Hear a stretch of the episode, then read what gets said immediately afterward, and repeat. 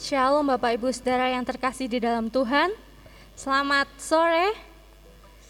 Mengucap syukur ya untuk kesempatan yang Tuhan boleh berikan pada kita semua. Kita boleh beribadah di sore hari ini. Itu, itu semua bukan karena uh, hebat kita, bukan karena kekuatan kita, namun itu semua hanya adalah anugerah yang diberikan Tuhan kepada kita. Saya menyapa juga Bapak Ibu Saudara yang mengikuti ibadah doa Rabu dalam uh, YouTube Mari kita persiapkan hati kita, pikiran kita, kita mau fokuskan hati kita untuk kita boleh memuji dan menyembah Tuhan. Saya memberikan Bapak Ibu Saudara waktu untuk bersaat teduh sejenak, mengucap syukur untuk setiap kasih karunia yang Tuhan boleh berikan kepada kita sampai hari ini.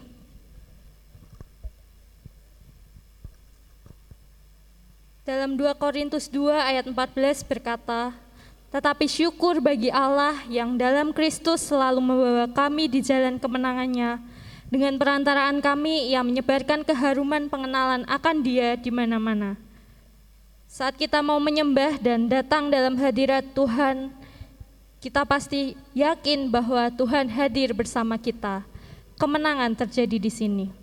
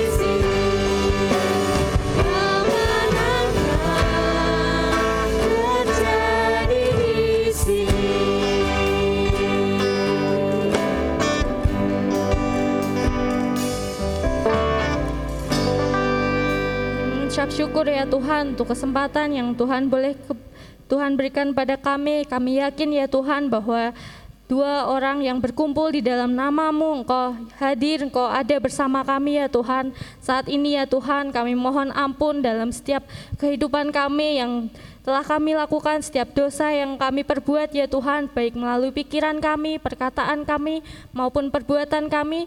Tuhan Kau yang akan menyucikan kami, Kau yang akan melayakan kami untuk kami boleh datang ke hadiratmu ya Tuhan, untuk membawa setiap nyanyian pujian kami ya Tuhan untuk menaikkan setiap pokok seru doa kami ya Tuhan di dalam ibadah doa Rabu ini ya Bapa kami juga uh, percaya ya Tuhan bahwa Engkau yang akan jawab setiap seru doa kami ketika kami mengimani apa yang kami doakan. Kami ucap syukur ya Tuhan untuk uh, ibadah yang boleh berlangsung dalam minggu kemarin ya Tuhan, baik itu ibadah pagi, ibadah kedua, ibadah Sore kami ucap syukur ya Tuhan boleh berlangsung dengan offline dan online. Kami ucap syukur karena tidak ada suatu kendala. Kami boleh beribadah ya Tuhan bersama-sama dengan saudara-saudara seiman kami. Itu semua karena berkat dan anugerah yang daripadamu ya Bapa. Kami juga mencap syukur untuk setiap kegiatan-kegiatan yang uh, boleh berlangsung di minggu ini ya Tuhan. Baik itu WBI, PBI, uh, PKMB, dan setiap uh, persekutuan ibadah lainnya biarlah melalui ibadah-ibadah ini ya Tuhan nama Tuhan senantiasa dipermuliakan dalam kehidupan kami. Kami menyerahkan ya Tuhan untuk ibadah doa Rabu ini ya Tuhan dari awal pertengahan hingga akhirnya biarlah setiap ibadah kami ini ya Tuhan boleh menjadi dupa yang harum di hadapan Engkau. Terima kasih ya Bapa, kami menyerahkan ya Bapa doa kami ini ke dalam sapu tangan kasih kuasamu. Hanya di dalam nama Tuhan kami Yesus Kristus kami mengucap syukur dan kami sudah berdoa. Amin. Jemaat dipersilakan untuk duduk kembali. Eh, saatnya kita akan masuk ke dalam pokok doa kita yang pertama yaitu pokok doa untuk bangsa dan negara Indonesia. Kita akan berdoa bagi para pemimpin supaya mereka boleh diberikan hikmat untuk boleh mengambil setiap keputusan-keputusan yang ada dan boleh dilaksanakan. Kita juga akan berdoa untuk Saudara-saudara kita yang sedang terpapar virus COVID-19 ini, biarlah Tuhan yang akan menjamah dan akan menyembuhkan.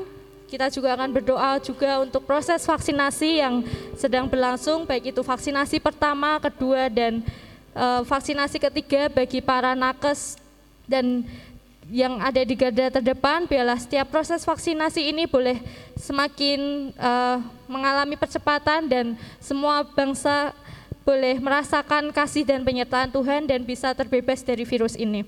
Kita juga berdoa untuk tim medis yang uh, bekerja di garda terdepan, biarlah uh, mereka boleh mendapatkan kekuatan yang daripada Tuhan saat melayani setiap orang-orang yang terpapar, terpapar virus ini.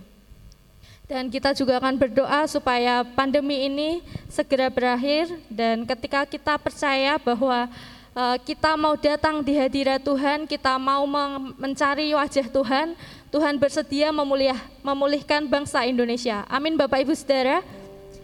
Pulihkan negeri kami, akan mengiring kita untuk masuk ke dalam doa bangsa dan negara.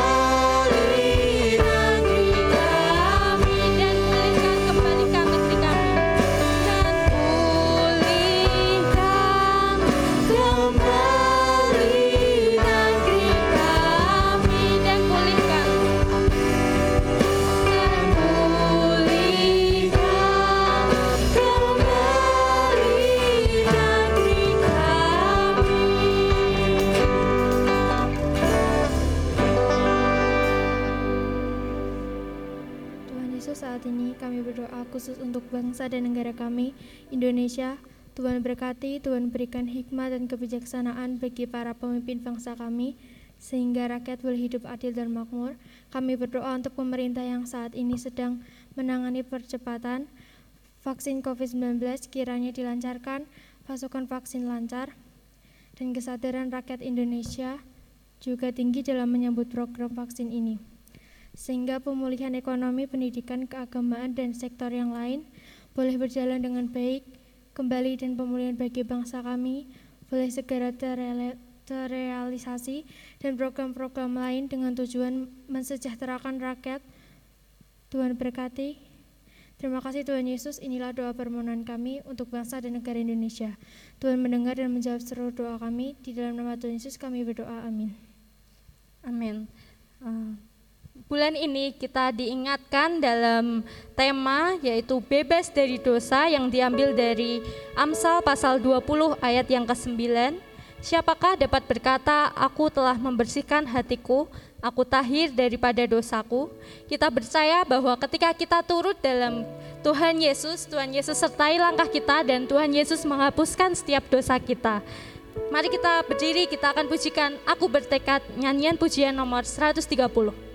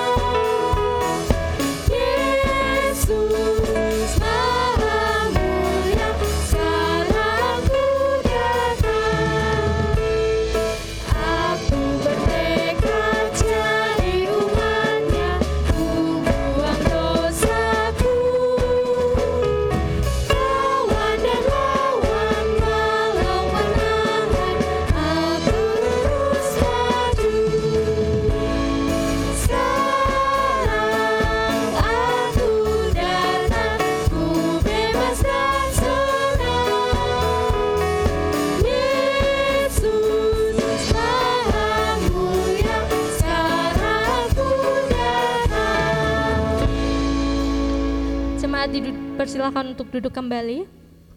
Kita akan kembali berdoa untuk menaikkan pokok doa kita terkhusus untuk GBI Candi. Kita akan berdoa untuk pelayanan para hamba Tuhan yang ada di GBI Candi ini beserta di setiap cabang. Kita juga akan berdoa untuk anggaran tahun 2021 kiranya Tuhan yang akan mencukupkan dan kita juga berdoa untuk setiap kegiatan yang sudah berlangsung baik secara offline untuk ibadah doa untuk kebaktian pagi, kebaktian bahasa Inggris, dan kebaktian sore. Untuk setiap ibadah-ibadah lainnya, baik itu sekolah minggu, PKMB, WBI, dan PBI, kita juga akan berdoa untuk pelayanan PPA, Among Tresno, dan TKSD Kristen Immanuel, biarlah melalui organisasi ini banyak jiwa yang semakin dimenangkan. Kita akan berdoa. Terima kasih ya Tuhan atas penyertaan-Mu kami dapat beribadah doa Rabu. Malam ini kami akan berdoa untuk GBI Candi yang memberi pelayan-pelayan yang setia dan selalu memberkati mereka yang sudah melayani untuk gereja mereka masing-masing. Dan Tuhan selalu memberikan mereka ke kehidupan mereka sehari-hari dan Engkau memberikan berikan hikmat untuk keluarga mereka juga. Kiranya anggaran gereja yang sudah ditargetkan dapat mencapai dan memenuhi segala kebutuhan gereja dan berilah kelancaran dalam ibadah offline maupun online yang diadakan di gereja untuk BPI, WBI, kebaktian pagi, kebaktian doa Rabu, PKMB maupun sekolah minggu. Kiranya lewat ibadah online maupun offline ini kami dapat menjangkau orang-orang yang mau untuk percaya kepada Tuhan. Sekarang kami berdoa untuk PPA Montresno Tuhan, kami berdoa untuk para mentor, para pengurus dalam menjalani tugasnya, terutama di masa pandemi ini Tuhan, kiranya Engkau menyertai mereka dalam setiap aktivitas yang mereka jalani. Kami juga berdoa Tuhan untuk uh, para guru sekolah SD TK Kristen Immanuel Tuhan, Engkau memberkati mereka Tuhan dalam setiap pekerjaan yang mereka lakukan, Engkau memberikan ketabahan, memberikan mereka kesabaran Tuhan dalam uh, mengajar. Engkau memberikan kekuatan jasmani dan rohani Tuhan dalam eh, untuk orang-orang uh, yang jiwa-jiwa baru yang baru Tuhan uh, ambil Tuhan Engkau akan memberkati mereka Tuhan. Terima kasih Yesus. Kami sudah berjalan syukur. Haleluya. Amin. Amin. Oleh kuasa darahnya kita telah ditebus dari dosa kita. Kita menjadi ciptaan yang baru. Oleh karena uh, Tuhan Yesus telah mati di kayu salib untuk menebus setiap dosa kita. Sebelum kita mendengarkan kebenaran firman Tuhan yang akan disampaikan oleh Bapak Dr. Andis Nathanael, Raharjo, kita akan menyanyikan pujian oleh kuasa darahmu.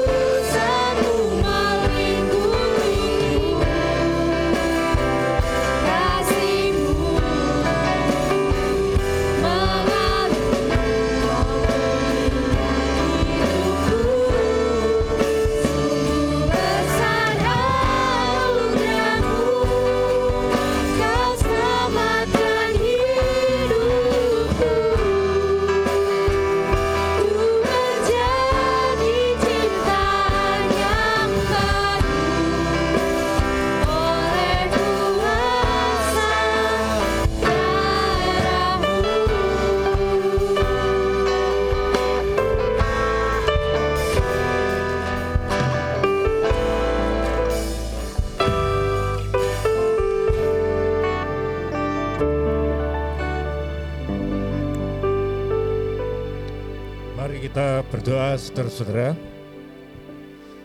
Bapak sorga, biarlah kiranya karena kasih karuniamu, karena anugerahmu, kami yang sudah berada di sini dapat pimpinan Tuhan untuk dapat memahami firman Tuhan yang sebentar lagi kami renungkan. Dalam nama Tuhan Yesus kami berdoa. Amin. Saudara-saudara, selamat sore. Eh, pada waktu kita baru merdeka, eh, kita masih mengalami macam-macam kesulitan. Banyak orang di Indonesia waktu itu belum mengerti artinya merdeka. Mereka pikir kalau merdeka itu berarti tidak usah bayar pajak. Kalau pergi naik bis tidak usah bayar, karena dulu bayarnya itu kepada penjajah. Ya pikir mereka begitu. Sampai para pemimpin kita itu repot mengedukasi masyarakat, jangan mereka itu salah memahami arti kemerdekaan. Merdeka itu berarti bertanggung jawab. Jangan sampai sesudah merdeka kita malah mengalami musibah karena kesalahan sendiri. Jangan sampai keadaan jadi kacau, tidak tertib, anarki, orang tidak mau bertanggung jawab, tidak mau membayar, dan sebagainya. Saudara-saudara, Nah, demikian juga pada waktu kita dimerdekakan dari dosa oleh Tuhan, kita harus berhati-hati. Bukannya kita terus bebas berbuat apa saja, walaupun dosa kita diampuni. Ya benar bahwa dosa-dosa kita yang sudah lalu diampuni, dosa-dosa yang kita lakukan sekarang diampuni, bahkan yang akan datang juga sudah dipersiapkan pengampunan itu. Tetapi bukan berarti kita boleh sembarangan dengan anugerah Tuhan. Saudara-saudara, kita harus berhati-hati karena Tuhan setelah memerdekakan kita, Tuhan ingin mengembalikan kita menjadi gambar Allah sesuai dengan waktu manusia diciptakan. Nah saudara-saudara, mari kita lihat uh, di dalam kitab 2 Samuel. Dalam kitab 2 Samuel, pasal 11 dan 12 kita melihat bahwa Raja Daud itu setelah kehidupannya enak, dia jatuh ke dalam dosa. Ya, ya di Raja Daud setelah ke, keadaan negerinya aman, dia malah bisa jatuh ke dalam dosa. Dulu waktu dia dikejar-kejar oleh Raja Saul, pada waktu kehidupannya sangat menderita, pada waktu yang bersama-sama dengan dia hanya penjahat-penjahat, pelarian-pelarian, orang-orang yang uh, tidak bisa membayar hutang dan mungkin penjudi. Saudara-saudara, orang-orang yang demikian itu dididik oleh Daud sehingga menjadi orang-orang yang bertanggung jawab dan disiplin, orang-orang baik yang tidak mau merampok, tidak mau memeras rakyat. Tetapi setelah Daud kehidupannya enak, dia justru jatuh ke dalam dosa. Dia bersinah dengan Batseba dan merekayasa kematian suaminya. Saudara-saudara, dalam 2 Samuel pasal 12 ayat 1 sampai 14 dikisahkan bahwa Nabi Nathan datang kepadanya. Dan menegur dia, memperingatkan Daud, seolah-olah dia melapor bahwa ada orang kaya yang merampas domba orang miskin yang hanya punya satu domba disuguhkan kepada tamu-tamu orang kaya itu. Nah ketika Daud marah, siapa orang itu harus ditangkap, harus dibunuh, harus bayar empat kali lipat? Nabi Nathan berkata bahwa Daudlah orangnya. Nah saudara-saudara, Daud yang baik hati bisa tergelincir. Daud yang baik hati itu bisa tergelincir. Dia eh, banyak diberkati, tapi ia bersalah kepada anak buahnya sendiri. Dia dikatakan oleh Nabi Nathan bahwa dia menghina Tuhan dengan merampas istri dari Uria dan merekayasa kematiannya, membiarkan dia dibunuh oleh Bani Amon. Saudara-saudara, padahal Uria itu disebutkan orang Het. Orang Het itu orang Kanaan. Sebenarnya orang Het itu adalah orang-orang yang memusuhi umat Tuhan. Orang Het itu tidak mau menyembah Tuhan. Tetapi Uria ini adalah keturunan orang Het yang sudah bertobat. Dia mau datang kepada Tuhan, dia mengakui Tuhan Allah Abraham, Ishak dan Yakub. Namanya Ur ya. Ur itu artinya terang. ya ini dari Yahweh atau Allah Abraham, Ishak dan Yakub. Nah, saudara-saudara, istrinya itu juga wanita baik-baik. Ya jangan dikira wanita dia itu menggoda dengan sengaja. Nah, dikatakan di dalam ayat 4 eh, yang pasal 11 ayat 4 jadi sebelum pasal ini dia tuh baru saja selesai melakukan upacara pentahiran. Dia Batseba baru saja selesai melakukan upacara penyucian sehabis haid. Itu kata terjemahan bahasa Indonesia sehari-hari. Nah berarti dia itu bukan asal mandi di luar, tetapi rupa-rupanya air yang air mengalir yang diperlukan itu adanya di luar, sehingga dia membersihkan diri di situ. Dan Raja Daud waktu melihat itu, ya memang melihat cantik, tetapi juga dia melihat ini orang yang saleh, ya yang taat pada hukum Taurat. Nah, saudara-saudara, tapi Daud jadi berdosa. Nah, saudara-saudara, tapi ketika ditegur, Daud ini langsung dia bertobat. Dia bertobat tanpa berdalih. Ya. Daud bertobat tanpa berdalih lagi di dalam ayat 13a. Lalu berkatalah Daud kepada Nathan, aku sudah berdosa kepada Tuhan. Ya. Dia tidak menye berdalih menyebut bahwa itu kan Uria. Istrinya itu kan Uria itu anak buah saya, hamba saya jadi milik Uria ya bisa saja saya ambil ya. Dia tidak berkata begitu. Nah ini slide yang berikut ya. Slide yang berikut eh, bahwa Daud bertobat tanpa berdalih. Nah, slide yang sesudah ini. Uh, ya saudara-saudara. Nah uh, dia tidak beralasan ya ini gara-gara rumah Uria di sebelah saya.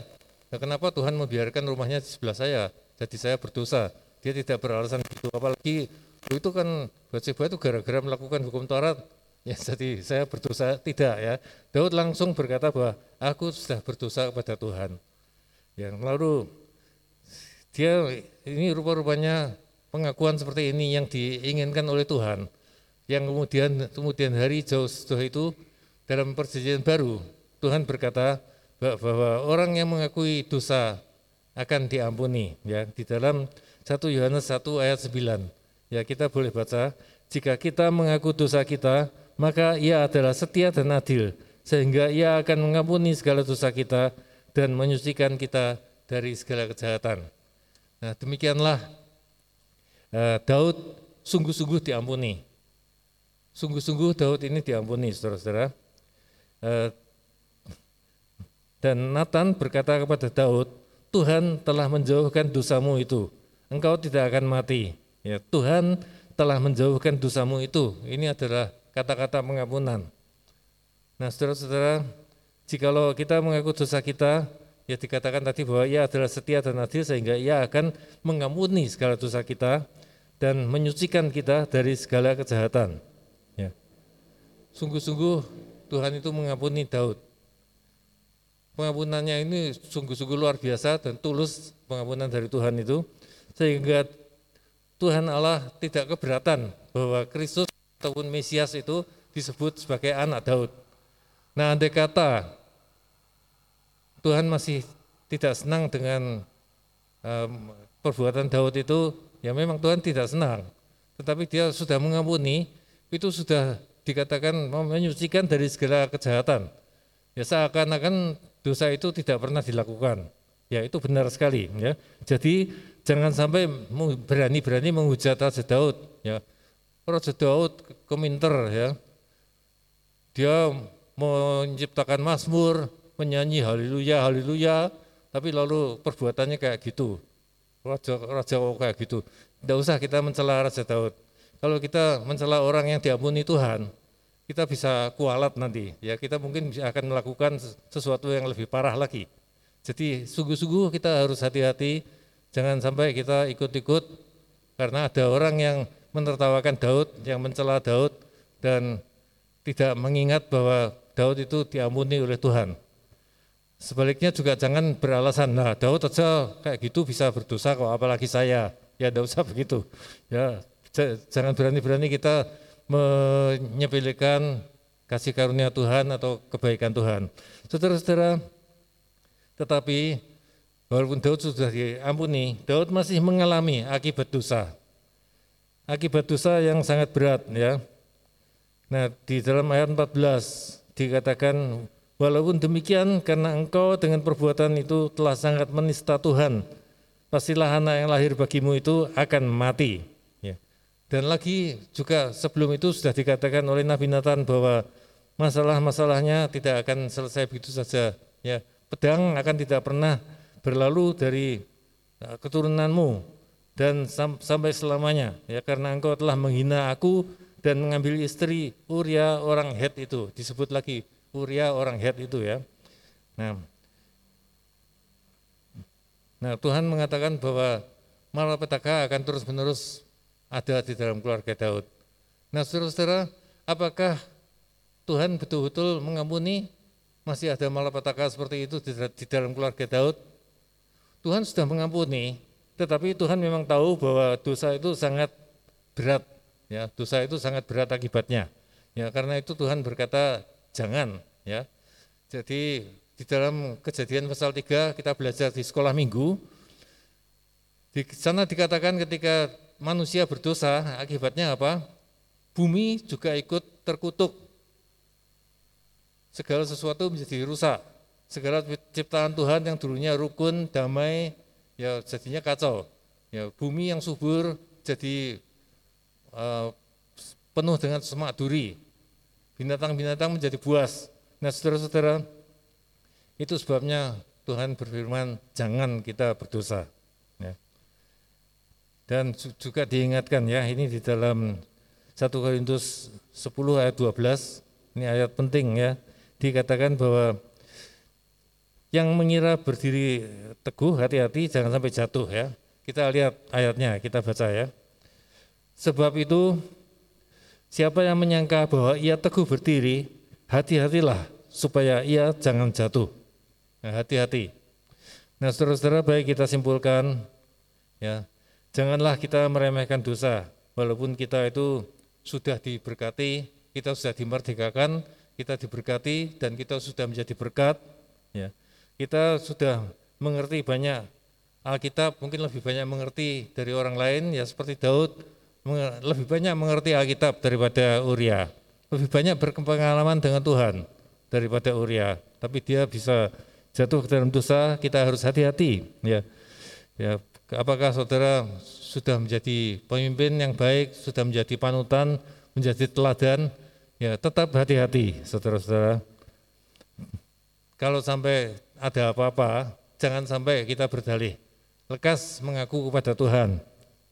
Dan kita harus selalu waspada, lebih baik jangan sampai jatuh ke dalam dosa.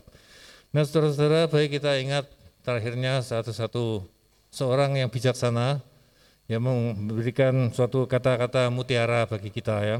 Kata-kata bijak dari Abraham Lincoln ya. Dia mengatakan bahwa ya boleh dikata semua orang itu bisa bertahan menghadapi kesulitan. Tetapi jikalau Anda ingin menguji karakter seseorang, berilah dia kuasa. Ya. Nah kalau orang sudah berkuasa bagaimana? Apakah dia akan mentang-mentang kepada anak buahnya? Ya, apakah gitu, dia yang tadinya lemah lembut kayak domba terus jadi galak seperti harimau? Ya, ya kalau sudah menjadi berkuasa seperti Raja Daud, bagaimana Raja Daud sempat jatuh, namun dia cepat bangkit kembali dengan bertobat tanpa berdalih bertobat kepada Tuhan. Saudara-saudara, baik kita ingat jangan sampai setelah kita merdeka, setelah kita enak, kita malah jatuh ke dalam dosa. Hati-hati. Mari kita berdoa. Bapak surga, biarlah kiranya kasih karunia Tuhan menguatkan kami, membuat kami merdeka, membuat kami bahagia bersekutu dengan Tuhan dan sesama kami dalam persekutuan yang indah. Namun biarlah kiranya kami tetap rendah hati, kami tetap berhati-hati, supaya kami dapat memelihara kemerdekaan kami, supaya kami dapat menikmati kemerdekaan kami bersama Tuhan. Dalam nama Tuhan Yesus kami berdoa. Amin.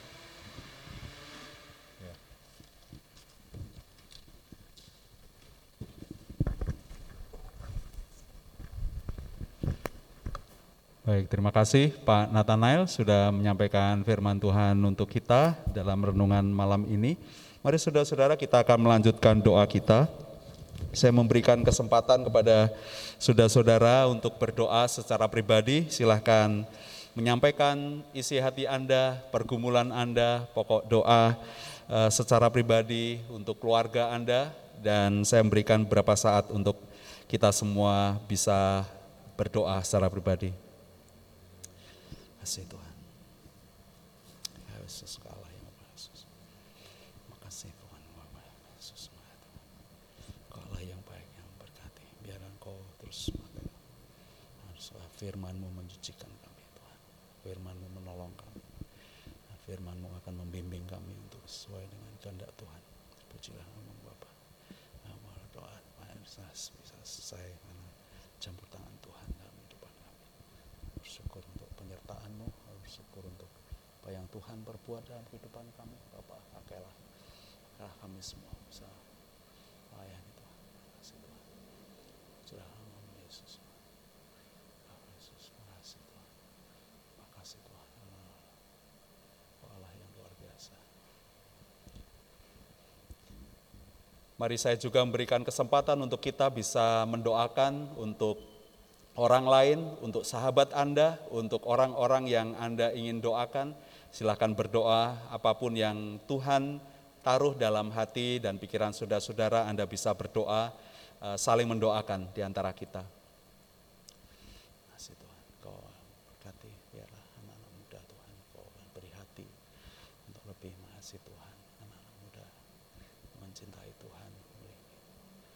Makasih Bapak, kau akan pakai kami biar Yesus ya Yesus Tuhan kasih Tuhan ya, Tuhan nyatakan kasih dan kuasamu dalam kehidupan mereka berpengalaman dengan Tuhan. Tuhan kasih Tuhan. Pujilah namamu Yesus. Terima kasih Tuhan. Terima kasih Yesus. Terima kasih untuk keluarga-keluarga yang untuk cek yang baru datang untuk berkati untuk Budi ini anak-anak keluarga kasih Tuhan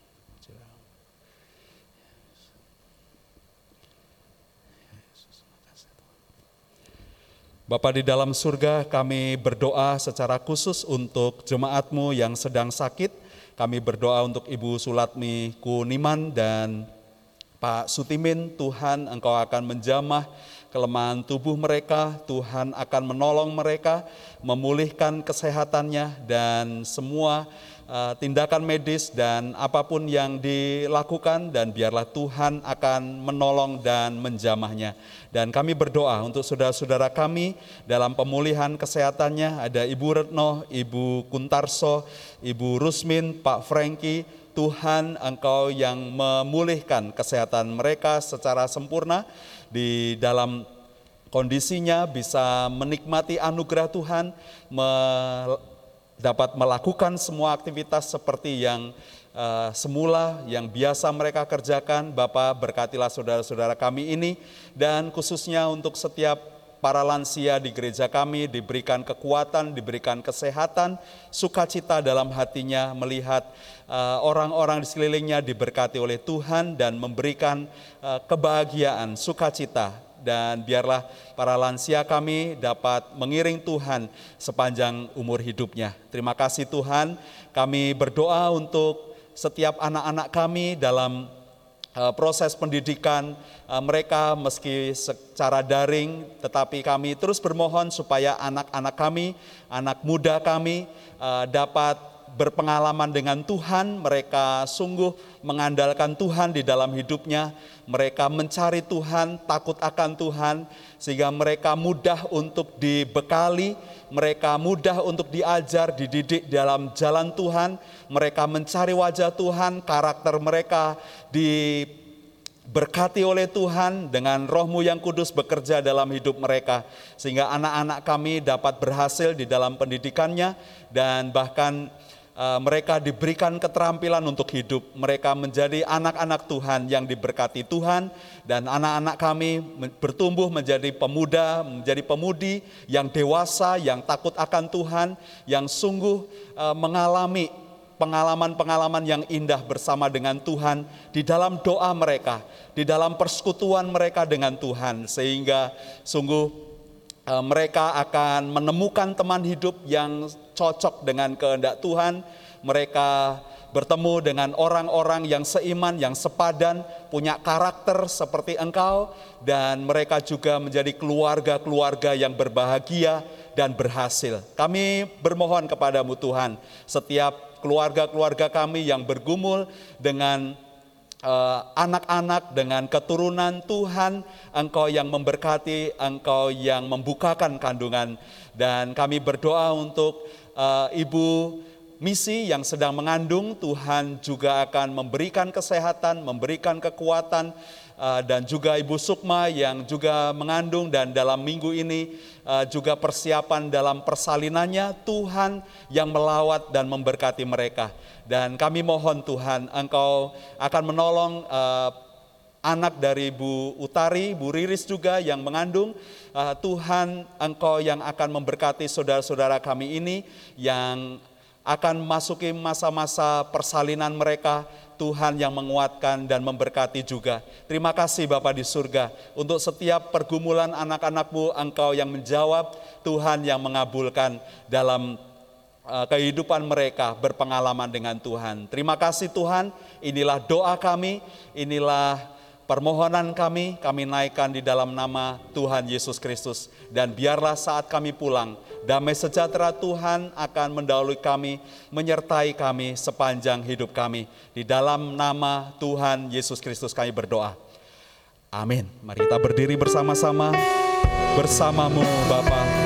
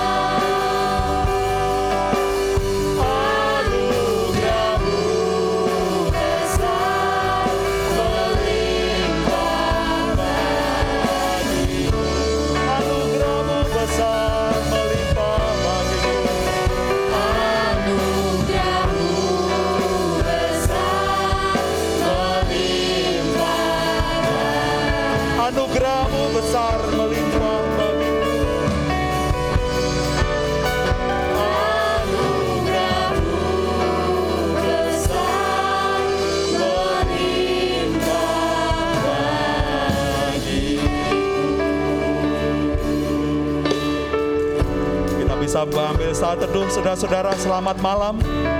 Bebas dari dosa. Tuhan Yesus memberkati